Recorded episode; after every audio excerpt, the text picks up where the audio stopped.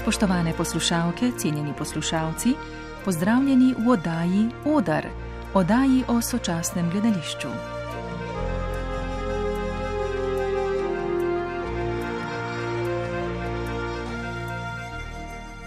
V vseh družbenih sistemih ali polisih ima gledališče odzivno vlogo lakmusovega papirja, tudi v današnji družbeni negotovosti in v pojavih transhumanizma, postresnice in podemokratičnosti. Gledališče namreč izumlja, dokumentira, postavlja ogledala, odgovarja, se igra ali vedežuje. 20. stoletje je čas nemira, badjujevske razdvojenosti med končati staro in začeti novo tudi na področju dramatike in gledališča, ko gre za njune mnogotere odnose, ki potekajo v znamenju številnih odmikov od dramskega k nedramskemu, neliterarnemu ali pozdramskemu. Po velikih umetniških revolucijah v času zgodovinskih avantgard in neoavantgard, ki so v temelju zamajale evropocentrično zgodbo gledališča, je bilo to izstreljeno iz polja literarnega, dramskega, absolutne drame oziroma aristotelovskega gledališča, pravi dr. Tomaš Toporišič, ki je nedavno izdal knjigo Nevarna razmerja dramatike in gledališča 20. in 21. stoletja. Dimenzije, ki zanimajo dr. Tomaža Toporišiča, se ne razpredajo le po slovenskem prostoru, njegov razgled se širi zunaj evropocentričnega miljeja, zanimata ga sovpadanje in prepletenost drugih večkrat spregledanih kulturnih tradicij. Čeprav je v njegovem očišču gledališče v navezi z literaturo, pa vedno zajema iz sovplivnosti praks v zgodovini vseh umetnosti, iz njihove vezljivosti in semiotičnosti, pri tem je vedno v dialogu s pomembnimi teoretiki svetovnega formata. Z avtorjem knjige Nevarna razmerje dramatike in gledališča 20. in 21. stoletja se bom pogovarjala Magda Tušar.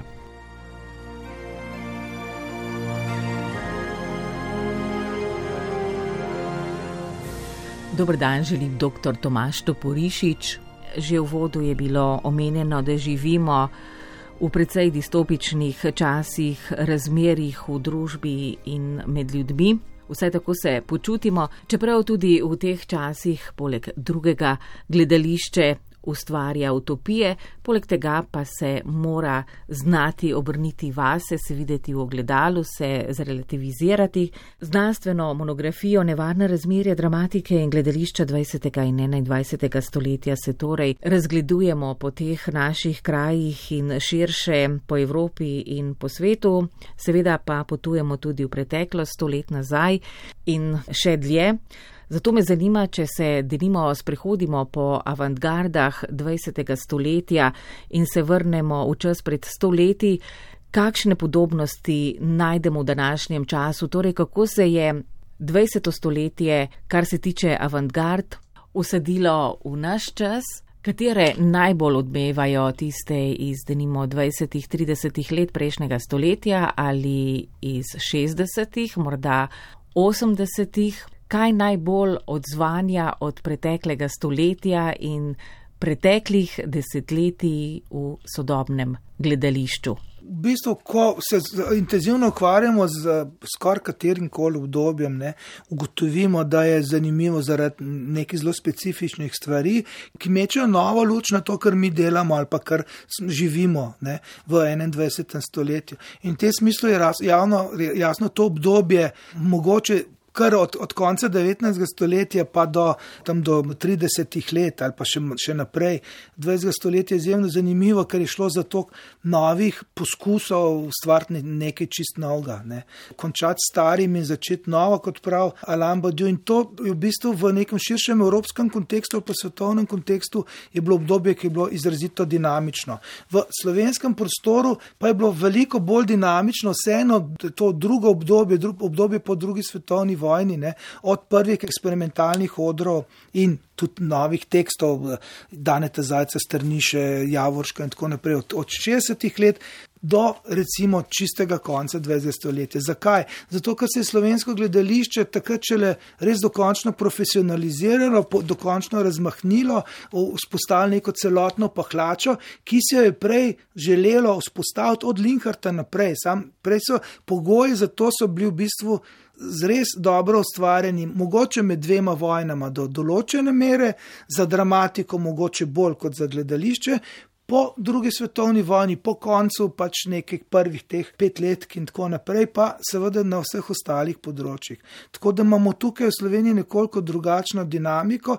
Res pa je, da se vse te stvari zelo povezujejo, da neke stvari, ki jih je Kosovo izumil v ne, recimo 20 letih, pa nažalost jih niso uh, brali, do, dokler niso išli integrali. Podobne stvari so se dogajale na vseh področjih in ko ugotovimo, tako kot je ugotovil Dragan Živadino in najslovenejši kunst, da je nekaj, kar je delak ustvarjal, ne, pa kar so konstruktivisti ustvarjali v, v Trstu v 20 letih, izjemno povezane z njihovimi utopijami ob koncu 20. stoletja, je to seveda jim dal neko zelo močno uh, inspiracijo. In tukaj so vse te dogodki iz preteklosti za nas zanimivi, koliko nam odpirajo neko novo zelo močno inspiracijo in nam pokažejo, da lahko nekaj naredimo drugače, kot smo si mislili, da lahko.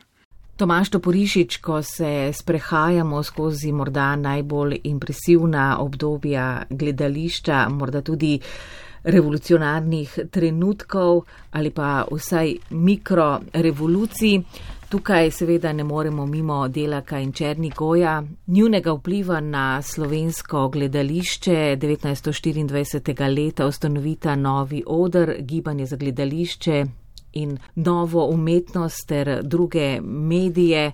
Takratno slovensko zgodovinsko avantgardo prepoznavamo skozi futuristične ideje ter tržansko konstruktivistično skupino. Bila sta zagovornika torej gledaliških inovacij, dela, ki je bil prepričan, da mora gledališče interpretirati poezijo s pomočjo glasu in geste, Sam izhaja iz principa montaže, brisala se je četrta stena in njene konvencije, igravce denimo razporedita dela Kinčernigoj med občinstvo, odr torej ni nekaj, kar je iluzionistično, ampak je realno. Sicer pa 20. leta prejšnjega stoletja sta dve središči, dve mesti Trst in Gorica kot referenčni točki futurizma. Ja, da, prva, prva desetletja so v tem prostoru, ki, se, ki sem ga zadnje časa tudi raziskoval, ker je zelo zanimiv ravno te, ta prostor, eh, Trst, Gorica, Ljubljana, Zagreb, pa potem seveda lahko tudi Beograd, Benetke, ne, ta, neki, v nekih krogih se je ta prostor dogajal, zgodovinskih avantgard je izjemno zanimiv. Zakaj? Zato, ker je v bistvu poglavitni ustvarjalci ali pa velik del poglavitnih ustvarjalcev eh, so izhajajo ravno iz, iz področja območja Trsta oziroma eh, primorske krasa ne, in so v tem smislu bili znotraj, žive znotraj neke zelo na robu, ne, na Kosovel, na robu nekega zelo dinamičnega prostora multikulturnega Trsta ne, pred koncem uh, Avst, uh, Avstro-Ogrske. Po, po prvi svetovni vojni se ta prostor radikalno spremeni, ampak še zmeraj ostane zelo zanimiv. Zakaj zanimiv? Zato, ker je futuristična oziroma sodobna umetnost v Italiji Italije ali pa avantgardna umetnost v Italiji je bila izrazito močna in sam Trst je bil ravno prizorišče tudi velikih teh eh, prve eh, futuristične serate, nekih zelo močnih eh, estetskih revolucij, ki so bile hkrati tudi družbene revolucije, včasih so se pa nažalost v, ravno v primeru uh, futurizma povezale, pa ne, ne izključno, ampak delno povezale tudi z nečem, kar ni bila revolucija, ampak je bila neka reakcija, se pravi z uh, fašizmom.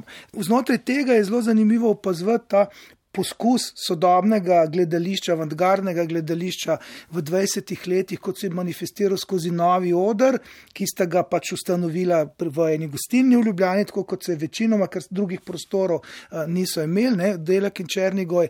Potem je Črnigoj poskušal svojo razstavo, vemo, da je moral potem zaradi političnih bolj ali manj razlogov, hkrati pa estetski zbežati v, v Trst in je v Trstu našel neko možnost, da se je v bistvu raziskoval naprej to, kar ga je najbolj zanima. Ampak hkrati je ta trst iz nekega izjemno prijaznega mesta postal v bistvu do slovencev in vseh neitalijanov zelo neprijazno mesto. Še zmeraj so, je ta tržaški konstruktivistični krok sodeloval z italijanskimi futuristi, hkrati so pa v bistvu koncipirali neko novo, zelo drugačno zgodovinsko avantgardo, ki se je vezala na to, kar je, jim je bilo blizu. Na eni strani so našli ta sistem barbarogenija Ljubimira Miciča in njegovih zenitistov, na drugi strani pa seveda rusko po, po revolucijsko avantgardo, ki jim je bila ideološko blizu. Moramo vedeti, da večina teh slovenskih avantgardistov so bili zelo blizu komunistični opciji. Komunistična partija je bila v Jugoslaviji prepovedana, tako da je Delak postal pa član uh, italijanske komunistične partije, pa še to je postal v Parizu. Se pravi, iz, veliko je deloval v Nemčiji, v Avstriji, skozi delovske odre. Skratka, šlo je za en izjemno zanimiv uh, kreativni čas, ki je bil pa politični praktično v bistvu tako rekoč ne mogoč, kar jih pa teh umetnikov in umetnic, zanimiva je bila zelo Polakova žena, Katja Polak kot izjemna koreografinja, ki je kasneje emigrirala v New York in tam v bistvu izjemno se uveljavlja na judovski sodobni plesni sceni, ki je še danes pomembna za razvoj sodobnega plesa v New Yorku. Ta, ta scena je bila izrazito močna, politično je pa delovala je po politično tako rekoč nemogočem trenutku. Kar se je še večkrat ponovilo tudi v, eh, prvi, v drugi Jugoslaviji, v prvi Jugoslaviji, ampak mogoče ne tako, na tako močen način. In hkrati je šlo tukaj za stik, ne, saj treh kultur, ne, eh, ali pa velike kulture, italijanske, ali pa romanske, germanske in slovanske kulture, ne, ki se je na tem področju ravno lomila. Ne.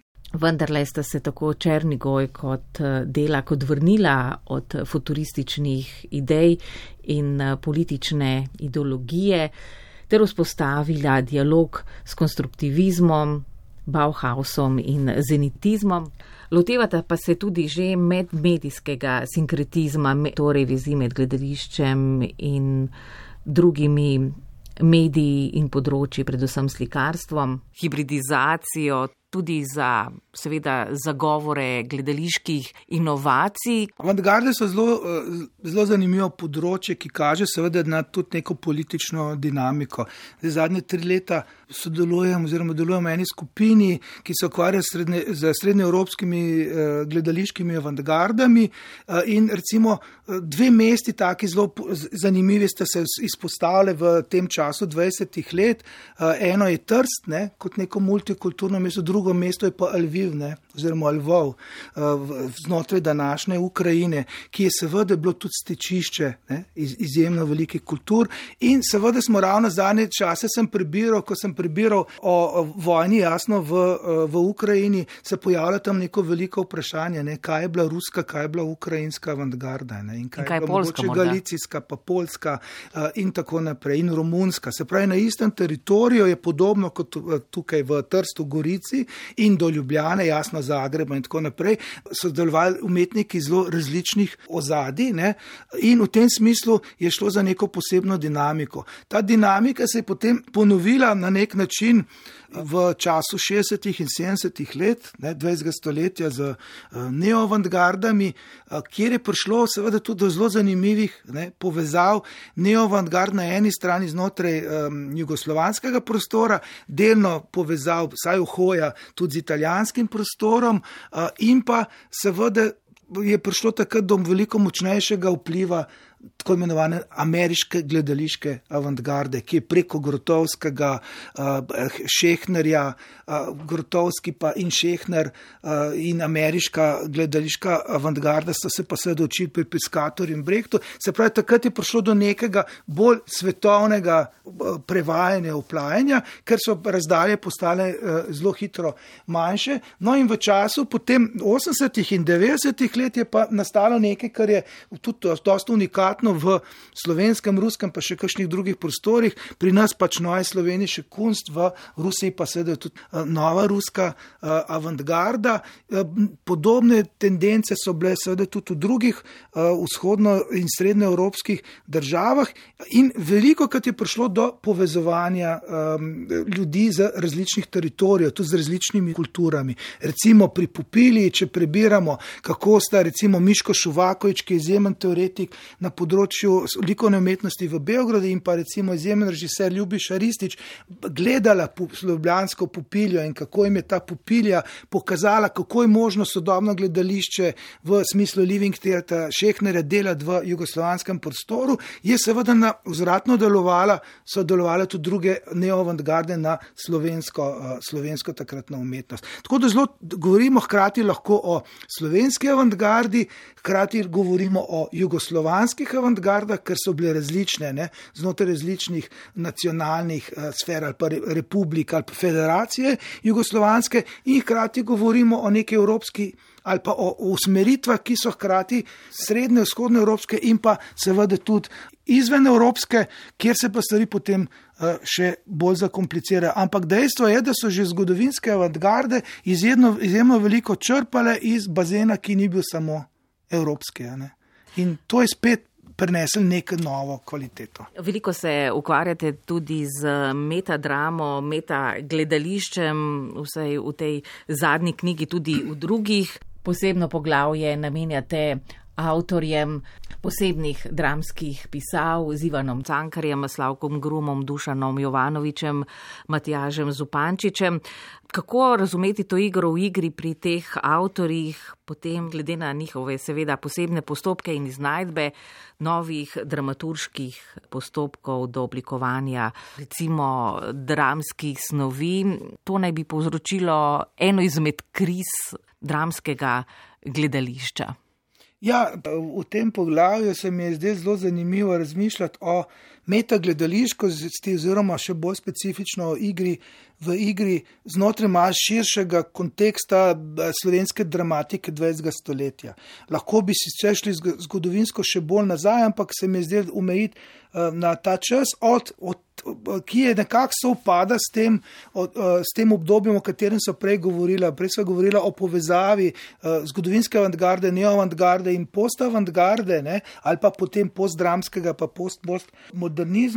Tukaj pa seveda me zanima, na kakšen način se nekim modeli, ki jih postavi že Cankara, ne, nekako pri približno v podobnem obdobju kot uh, Pirandello v, v italijanski dramatiki, kako se ti modeli potem naprej razvijajo pri Grumu kot drugem izjemnem ne, uh, dramatiku, za katerega so nekaj časa trdili, da nima nobenega sloga, potem se je pa ugotovili, da gre za zelo specifičen slog, bi bil je pač zdravnik, ne, uh, tako kot Čeho se konec koncev, Čeho ima tudi izjemen slog. No in potem seveda, kako se te stvari manifestirajo naprej, in da se dejansko je izkazalo, da vsak od avtorjev in vsak od obdobij igro v igri razume nekoliko drugače, vsi pa v bistvu izhajajo iz istih premis. Ne? Kako postaviti ogledalo hkrati družbi in gledališču.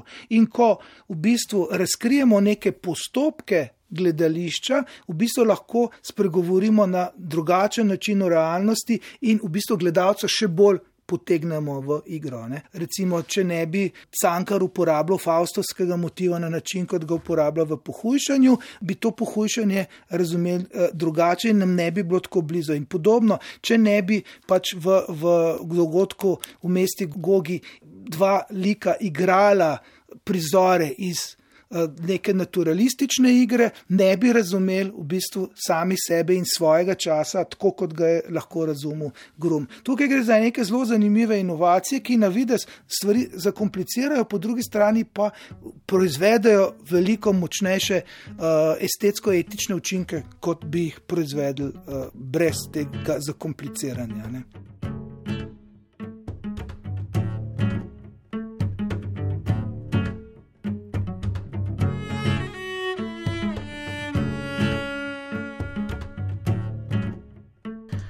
Dr. Tomaš Toporišič na mejah med teatrologijo, dramaturgijo in estetiko se ukvarjate tako s performativnimi obrati v gledališču, predvsem druge polovice 20. stoletja, tudi s prehajanji med mediji in kulturami.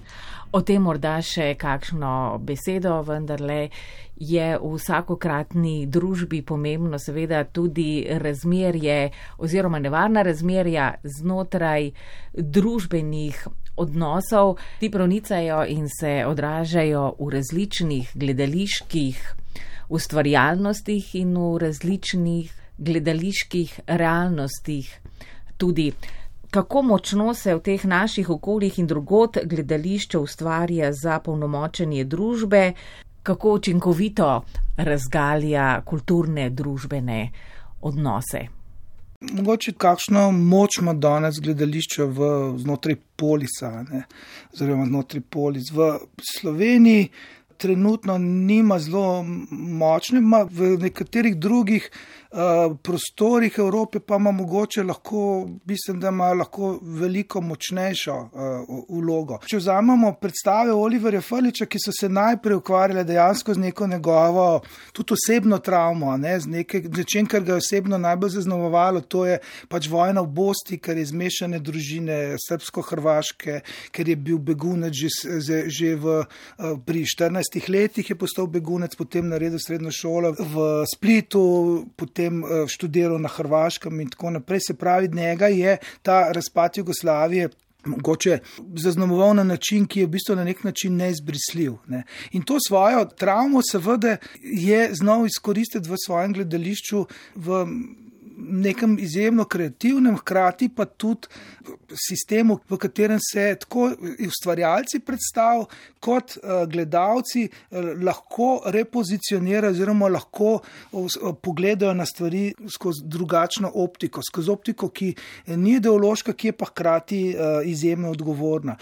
Sam se seveda ni ustavil znotraj te zgodovine Jugoslavije in po Jugoslavije, ampak se je odzval potem na begunsko krizo, se je odzval na, na tako rekoč vse dogodke, na, na neokatolicizem na Polskem, kjer je v bistvu tudi najbolj, največ takih ognjevitih reakcij publike, do poskusov prepovedi, do političnih odstavljanj direktorjev gledališč povzroča svojim gledališčem. Ampak hkrati pa seveda v tem smislu je Oliver Frlič v bistvu dober primer gledališča, ki je izjemno odzivno, ki v bistvu spreminja družbo. Ne kako je gledališče danes omejeno pri tem, da spreminja družbo, ampak dejstvo, da se, o, recimo, že ko je bil direktor gledališča na reki, ne, ni šlo samo zato, da, da je doživel pač grožnje smrtjo, grafite, ki so zahtevali njegova smrt, ampak je odprl neko pomembno debato o gledališču, kulturi,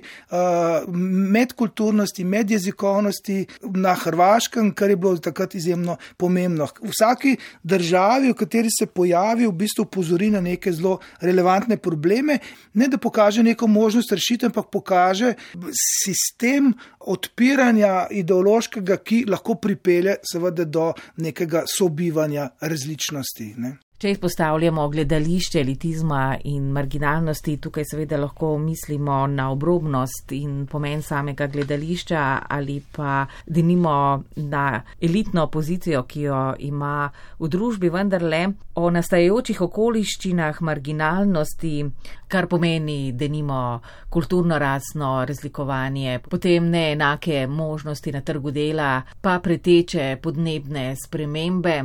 Tudi begunska problematika. O teh temah se umetniki v gledališču in drugod danes veliko krat izjavljajo in sicer zelo angažirano, zelo družbeno angažirano. Žiga Divjaki in Katarina Morano tudi mm o tem, da nima v zadnji knjigi pišete, koležirata, zbirata material, seveda ga potem estetizirata in sicer na novinarski način, se pravi, ta hibridizacija gledališča pravzaprav jemlje iz družbe in se ne brani kakršnih koli žanrov, načinov vstopa. To je v bistvu lastnost gledališča, ki je obstajala že vse čas, oziroma v posameznih obdobjih, bolj očitno, v posameznih obdobjih manj očitno. Že pri recimo Šekspirju, če vzamemo Šekspira ali pa Moljera, ne, je šlo pri obeh avtorjih za nek lakmusov papir družbe. In v bistvu sta oba, ne glede na to, da sta pisala neke perfektne, recimo Moljer je pisal neko perfektno komedijsko formo, ampak to perfektno komedijsko formo je v bistvu upeljal prepeljal nek žargon vsakdanjosti in vse neke problematike uh, takratne družbe. Na podoben način se danes, uh, seveda, v mediatizirani družbi, kot lahko rečemo, ne, gotovo obnaša tudi gledališče. Gledališče leta 72, mislim, da je Antoine Vitesse, en največjih režiserjev druge polovice 20. stoletja, izjavil: On peut faire théâtre de tout, se pravi, lahko, gledališče lahko delamo iz vsega, iz imenikov, iz časopisnih člankov. Se pravi, kompletna proizvodnja nekih eh, resnic ali pa nekih dokumentov je eh, polje, iz katerega lahko črpa gledališče. In to recimo na, na zelo zanimiv, relevanten način uh, izpeljujete v zadnjem času ta dvojica Divjak Morano. Oliver Frlič se je seveda veliko krat posluževal podobnih ne, postopkov. Večja ali pa manjša mera fikcijskosti je pač odvisna od tega, kaj si zadamo kot neko nalogo pri predstavi. Dejstvo pa je, da ta fenomenologija eh, medijev, tudi radijskega medija, eh, je zmeraj bolj eh, postaja nekaj, kar je material, zmeraj bolj tudi material za predstave. Če se spomnim sam predstave Slovensko narodno gledališče, Emila Hrvatina, danes Jane Zajanše, ne, ta, on je uporabil tam samo mediatizirane pričevanja. Igravci so poslušali na slušalke, hkrati pa so seveda uh, govorili oziroma ponavljali za mediji. Eh, medijsko poročanje o dogodku, takrat pač dogodku eh, nekega kolapsa slovenske civilne družbe. Se pravi, tudi radio zmeri bolj zanimiv postaje, ne samo kot medij radijske igre, ne, ampak kot, kot nekaj, kar prevedemo potem v gledališko predstavo. Ne. No, sej uh, v svoji knjigi denimo pišete, da je sodobna umetnost, da se bere kot neke vrste hipertekst. Umetniki denimo prevajajo, prekodirajo informacije tudi recimo izven tega zahodnocentrističnega, modernističnega mhm.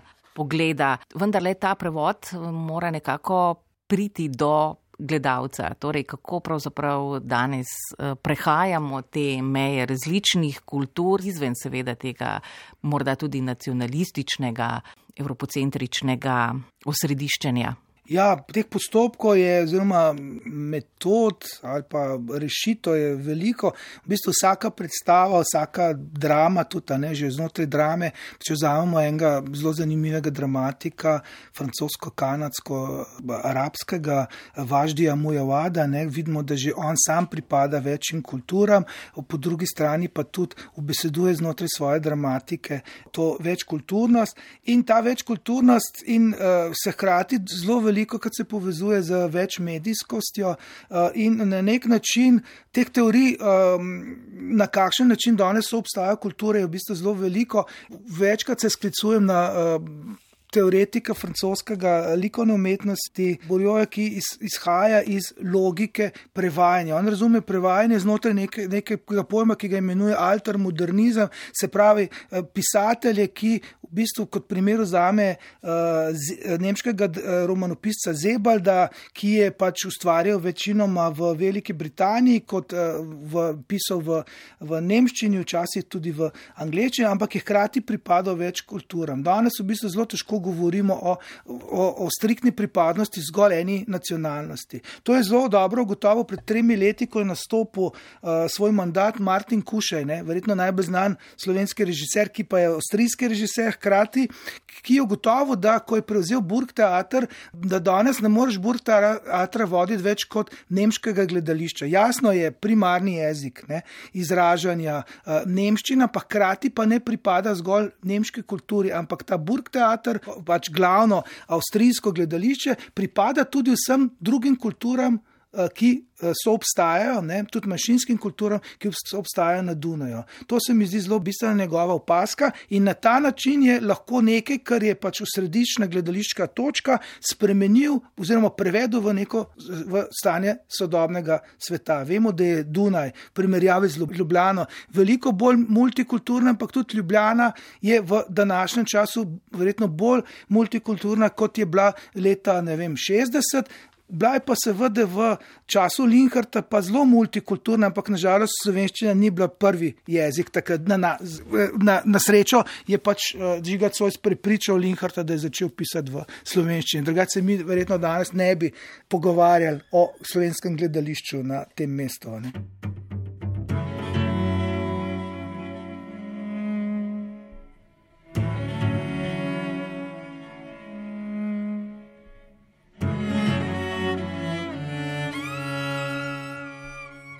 Dr. Tomaš Toporičič, kaj pravzaprav danes pomeni stavek, da mediji konstruirajo realnost? Ko opisujemo gledališče v družbi, preobražanje obojega prinaša tudi nove inovacije, gotovo tehnološko, digitalno, s katero je vsaj za nekaj časa v preteklih dveh letih gledališče moralo sebe poiskati skozi vidno hibridnost, torej skozi video in televizijo. Lahko gledamo na to tudi kot na tragiko generacije, ki je priča mnogim vrstam spopadov in denimo vojn in nesoglasi. Ne gre vsega takoj primerjati oziroma usporejati z antiko, ampak avtorske interpretacije, morda nekoliko starejših in tudi te mlajše milenijske generacije v svojih poetikah že izražajo to vrstne izkušnje. Kako razumete njihovo percepcijo realnosti? Naša percepcija realnosti se vse čas uh, spreminja, pa tudi verjetno generacijsko uh, po moje, pogojena, zato ker je pogojena z neko relativno zelo veliko revolucijo medijev v drugi polovici 20. stoletja, predvsem pa v, na tem prelomu iz, iz 20. v, v 21. stoletje. Tako da je zdaj postavljalo se eno veliko vprašanje, ali jemljemo kot realnost bolj nekaj, kar je simulakrum, kot pa to, kar se dejansko dogaja v nekem trodimenzionalnem prostoru. Ne. Mediji gotovo konstruirajo realnost na, na nek zelo samoomejen in v bistvu nasilen način. O tem je dosti pisal uh, Gomez Penja, mehiško-ameriški teoretik, ki je napisal, da v bistvu gledališče ne more tekmovati več z reality, uh, z resničnostno televizijo, v kateri pač uh, gledamo uh, v simultanem času umore na ulici. Se pravi, gledališče mora iznajti neke nove uh, načine, kako prizoriti realnost. Dejstvo pa je seveda, da gledališče kljub uporabi medijev, tako kot nek koncert v živo, seveda lahko ima neko moč, ki je proizvaja neke znakovne sisteme, ki so drugačni po sami kvaliteti kot mediatizirani. Že, da, že dolgo časa se ne ukvarjamo več toliko s tem, ali je zdaj eh, umetnost v živo auratična ali ni, ali je dejansko poratna zanka, ki nastane v živo med izvajalci in gledalci. Gotovo je specifika gledališča, lahko pa znotraj te poratne zanke, ki obstaja med gledalci in izvajalci, seveda upeljemo tudi Eh, mediji, ne, tudi recimo to, kar, to, kar raziskuje Varja Hrvatin znotraj svoje dramatike in svoje uprizarjanja tega. Recimo dramatike, pa mislim, da gre za dramatiko, ker zavestno piše dramatiko, je seveda, da v bistvu uporablja neke nove medije, ki v bistvu uh, gledalca vključujejo kot nekega uh, so kreatorja dogodka. Ampak sej, že Roland Bart je izjavil, ko je napisal smrt. Eh, smrt avtorja ne? in je zapisal, da je smrt avtorja, uh, da je rojstvo bralca, da je bralec tisti, ki do konca ustvari umetnino. Ne? To se samo dogaja zmeri na drugačne načine. In dokler smo mi tisti, ki dejansko ustvarjamo neko novo interpretacijo ali pa neko novo občutanje ob umetnini, je vse v redu. V trenutku pa, ko ne bomo več sposobni sami ustvarjati nekaj, kar je eh, singularno sami, bo pa seveda velik problem za umetnost in za civilizacijo nastal, ker bomo postali neki avtomati, za katere se bo že predvidevalo, kako bodo reagirali. Upam, da do tega ne bo prišlo. In ravno tem je seveda umetnost je tista, tista, ki omogoča nam to neko uh, senzibiliziranje, tudi zato, ker ni v nekem interesu multinacionalk. Ne,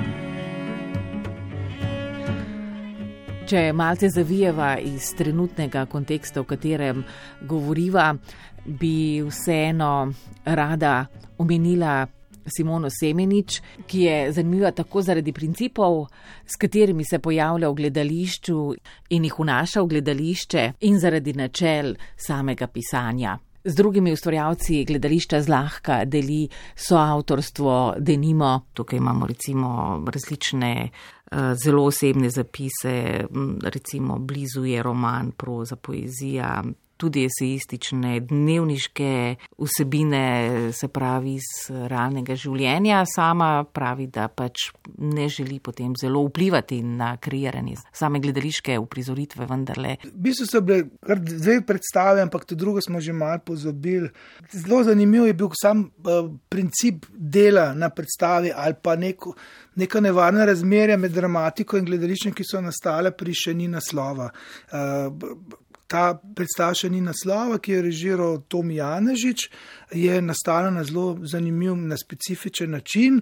Uh, zadali so si neko osnovno temo, Don Juanovstva, uh, Simona Semenič je pisala tekst in je napisala tekst, usporedno s tem pa so nekaj mesecev, ali mislim, da šest mesecev približno, še ustvarjali tudi nek drugi tekst, ne se pravi nek tekst predstave, ki so ga ustvarjali uh, snovano ali pa sodelovano, avtor in ustvarjalci predstave. No, in pobližno po šestih mestih so združili ta dva teksta, se pravi Simonin tekst ne, in pa tekst.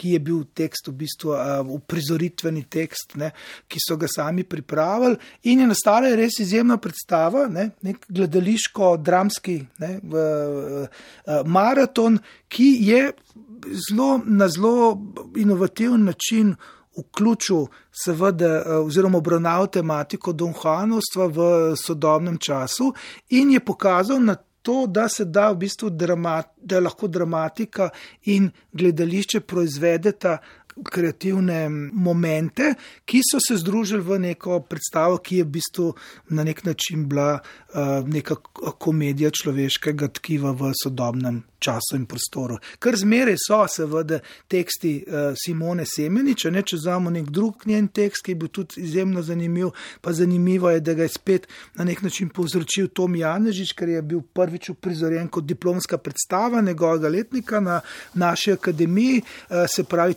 1981, ne, spet nek izjemno zanimiv tekst, ki pa so ga, seveda, vse čas Simona Semenička zelo natančno predvideva več možnosti v prizoritev svojih tekstov in gravca nagovarja mu razlaga, kako bi to lahko naredili, kako lahko ne bi naredili in tako naprej. In v bistvu izziva gledališče in izziva neko izrazito kreativnost v gledališču. Uh, jasno je zanimivo, je seveda to, da je Simona Semenič diplomirala iz dramaturgije, sama je tudi uh, performerka, delovala je kot dramaturgija v je, zadnje čase, oziroma nekaj desetletij, pa zdaj seveda predvsem ustvarja kot dramatičarka, ki pa zelo dobro pozna gledališče in zato, ker ga zelo dobro pozna, se najbrž tudi noče, uh, noče vplivati na same procese kreacije. Na nek način pa jasno vpliva na te procese že zelo močno s teksti, ki so zelo specifični in ki napeljajo seveda ustvarjalce k prevajanju v nek gledališki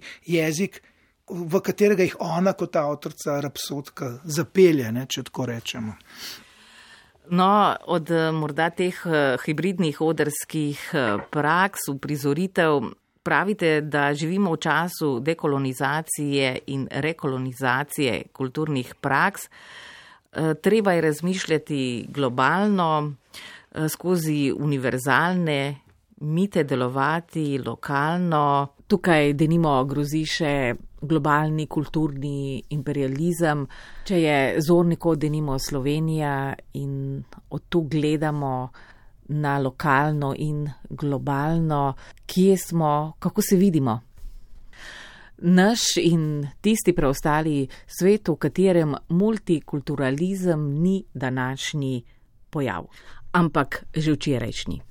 Ja, mislim, dejstvo je, da mi se v Ljubljani ne moramo delati, da živimo v New Yorku ker eh, v bistvu je Ljubljana tako drugačna od New Yorka, da dejstvo je, da tukaj živimo v nekem lokalnem prostoru in času, hkrati pa seveda uh, spremljamo, kaj se dogaja znotraj zelo različnih drugih, večjih ali pa manjših uh, kulturnih, cent, uh, kulturnih centrov in pa seveda tudi civilizacijskih centrov. Tako kot se globalno še zmeraj jasno živimo v Ljubljani, ki je neko, ali pa v Sloveniji, ki neki neka mehna uh, podalska država ne, ali pa država, ki ima svoje prednosti in neprednosti, vse čas se lotevamo nekih tematik, ki so bistvene za ta prostor, ne, ki so mogoče niso relevantne za neko veliko uh, vele mesto, z, nimamo pr nobenih problemov z metrojem, z, z podzemno železnico, ker je nimamo, imamo pa veliko drugih problemov. Se pravi, iz teh nekih lokalnih stvari, seveda pa istočasno razmišljamo o zelo podobnih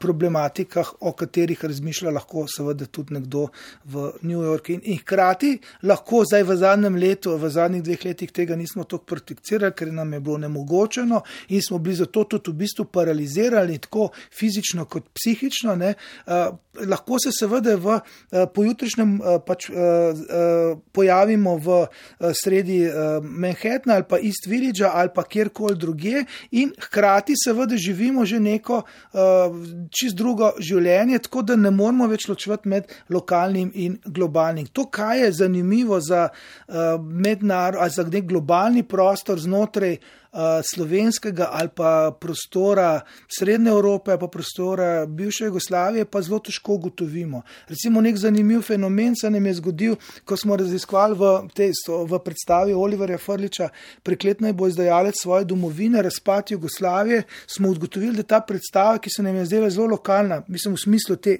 regije od Ljubljane do Beograda, ne pa dobro, da Skopja, do Džođelija, da, da bo mogoče zanimiva samo za to področje, se je skazalo, da je postala zanimiva za nekoga v, v, ne vem, v Montrealu, ki še v življenju ni slišal, njegova babica je slišala, kdo je bil Josip Broz Tito, drugač pa ni vedel, kje je Jugoslavija, kje je Slovenija. Se pravi, včasih, ko, nago, ko govoriš o lokalnih temah, oziroma temah, ki tebe obsedajo, tudi o, ne samo lokalnih, ampak osebnih temah, ne, Oliver je Frliča in ekipa, ekipe, ki je delala na nekih travmah, ki jih je proizvedel razpad ene države in kriza in vojna, lahko ugotoviš, da si se dotaknil nečesa, kar je globalno in da, da v bistvu uh, nekdo. Ki je čist, iz čisto drugega področja, čisto drugih zgodovinskih okoliščinah, v tvojih razmišljanjih spozna razmišljanja, ki so zelo blizu njemu, ali pa celo najde neke odgovore na vprašanja, ki si jih je zastavilo, pa na katera si ni mogel odgovoriti. Tako da tukaj je nekaj, so zelo zanimivi prevoji, se zgodijo in umetnost, kadar je uspešna, uspe ravno združiti to globalno in lokalno.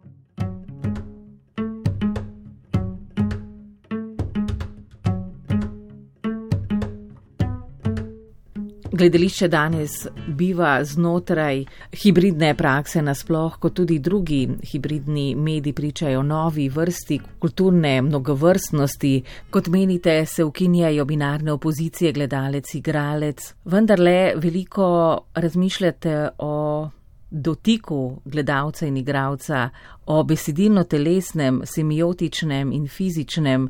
Ja, to je nek proces, ki se vse čas dogajal, ne že znotraj recimo rimskega gledališča so imeli veliko problemov s tem, da nihče ni več hodil gledati tragedij, pa komedij, ker so imeli zunaj cirkus pa gladiatorske igre, kjer je šlo za zelo fizično eh, neko spektakelsko obliko. No, ampak če, če greva potem v zgodovinsko mal naprej, pa se pomaknejo v 60. leta ali pa že malo v 50. leta v recimo Living Theatre, eh, potem The Performance Group.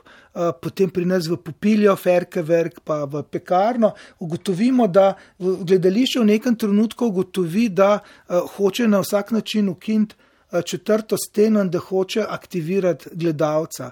Gledalca pa lahko aktivira seveda na zelo različne načine, tudi z, s tem, da spremeniš um, pred. Uh, naprej uh, konvencionirano sisteme v gledališču. Se pravi, performance group so delali tako, da so povabili publiko in publika se je hotela usesti na stole, ampak so rekli, ne, ne, usedete se lahko kamorkoli, lahko sedite na odru, pridite med nas in tako naprej. Se pravi, in so začenjali raziskovati nekaj, kar ni distanca, ampak kar je bližina. Hkrati so pa začenjali raziskovati tudi v bistvu senzorijalno plat gledališča skozi vonje, skozi dotike in tako naprej. In sam dotik na nek način pokaže na neka hierarhična razmerja, ampak hkrati jih pa tudi ukinja, ne? ali pa fizična soprezenca že sama po sebi. Tako da v bistvu se znotraj tega, lahko bi rekli, uh, um, antropološkega obrata, ki se je zgodil znotraj ameriškega gledališča, pa tudi evropskega z Eugenijem Barbo v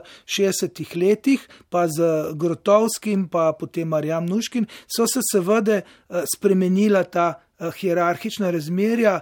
Eh, znotraj gledališča, znotraj družbe, na katero je upozarjal gledališče že v bistvu vse čas. Tudi srednjeveško gledališče je na nek način že z misteriji in moralitetami neko zelo jasno postavljene družbene razmerja spreminja ravno skozi spektakl, v katerem je bilo v bistvu vse mogoče. Ne. Kako pa je s kreativno močjo slovenskega gledališča, v kakšni kondiciji je? Je danes slovensko gledališče zelo omejevano, bodi si glede na sredstva, na vložke, bodi si s kakšnimi statusi ljudje prihajajo? Prihajajo v gledališče, v kaj so primorani. Včasih je iz umetniških krogov, tudi likovnih, ne le gledaliških, slišati, da ni več prostora za prosto kreacijo, prav zaradi zahtev, da nimo iz Evropske unije, ko gre za razpisna sredstva. Torej, toliko je pogojev, da ostane kreacija v ozadju. Ja, jaz moram reči, da zdaj zad, zadnjih teh uh, zadnjih uh, pravil ali pa pozivov uh, uh, različnih programov, skozi katere uh, Evropska skupnost sofinancira programe, ne poznam, sem pa bil ene dvakrat v, v ekspertnih skupinah v, v Bruslu, ki so zbirale te programe in mislim, da ne gre za take pač omejitve. Ti moraš znotraj nekega sistema, ki so, uh, sofinanciranja, umestiti to svojo zgodbo v te sisteme. Če jo dobro umestiš, ne, boš tudi pač prejel ta ta sredstva, večji problem vidim v, v tem, da se veliko samo omejujemo ne, in da v bistvu ne iščemo nekih niš znotraj teh sistemov financiranja, ki vsi morajo biti narejeni na nek osnovi malo omejevalni način. Ne.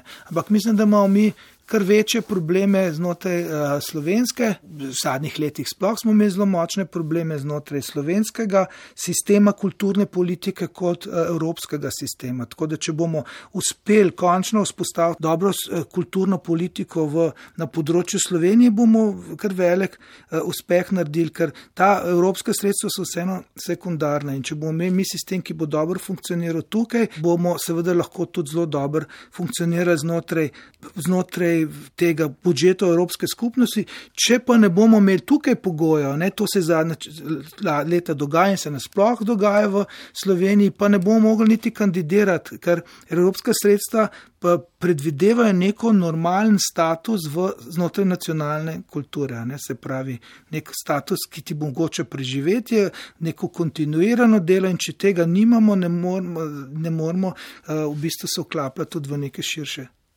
projekte. Uh, seveda lahko ugotovim, da so v bistvu uh, nove generacije tudi izjemno kreativne, da ustvarjajo pa v nekih pogojih, ki so ki niso zelo slabi, niso pa nikakor stabilni. Ne? In ravno tukaj vidim problem. Če pogledamo zdaj na, eh, recimo, na področje dramske pisave, bomo ugotovili, da je zelo veliko dramatičnih, predvsem ne, se uveljavlja zelo, zelo močno ravno mlada generacija. Na področju režije, seveda tudi, ne, Žiga Divjak, Nina Rajč, eh, Maša Pelko, celo serijo imamo režiserjev, ki so pokazali, da v bistvu zelo konsekventno razvijajo neke nove poetike.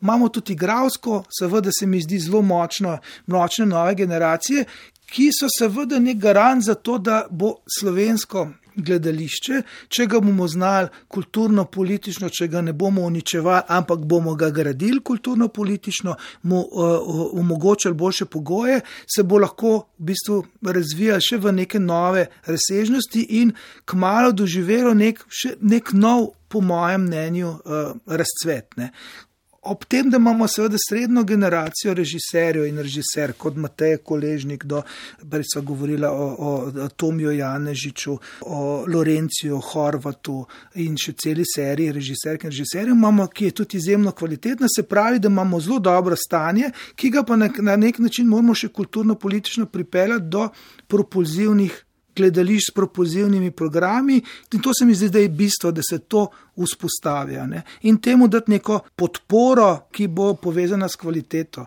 Še morda to vprašanje samo po sebi je očitno pravi Adorno, da ni nič glede umetnosti več. Očitno celo niti njena pravica do obstoja, kaj je s to pravico zdaj v tem času. Ja, zadnjim, zadnjih letih, pa že tudi prej, ne, uh, v zadnjem desetletju, sporadično, zadnjih uh, dveh, treh letih, pa na določenih področjih, je to adornosko v bistvu vprašanje, ki je bilo mišljeno bolj v filozofskem smislu, ne toliko v kulturno-političnem smislu, se je skazalo, da je spet postalo kulturno politično vprašanje. Pa ne samo v Sloveniji, če pogledamo zdaj eh, recimo stanje sodobnega gledališča v Rusiji, ne, smo ugotovili, da v Rusiji danes sploh ni možno več delati trenutni situaciji nekega relevantnega eh, gledališča. Ne.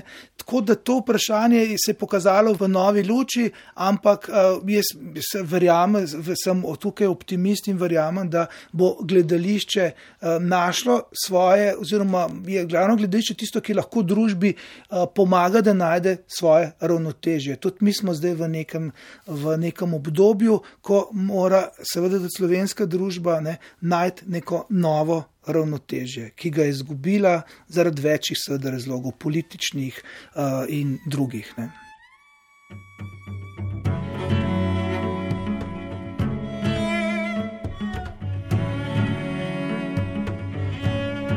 O nevarnih razmerih dramatike in gledališča 20. in 21. stoletja sem se z dr. Tomažem Toporišičem, avtorjem knjige, pogovarjala Magda Tušar.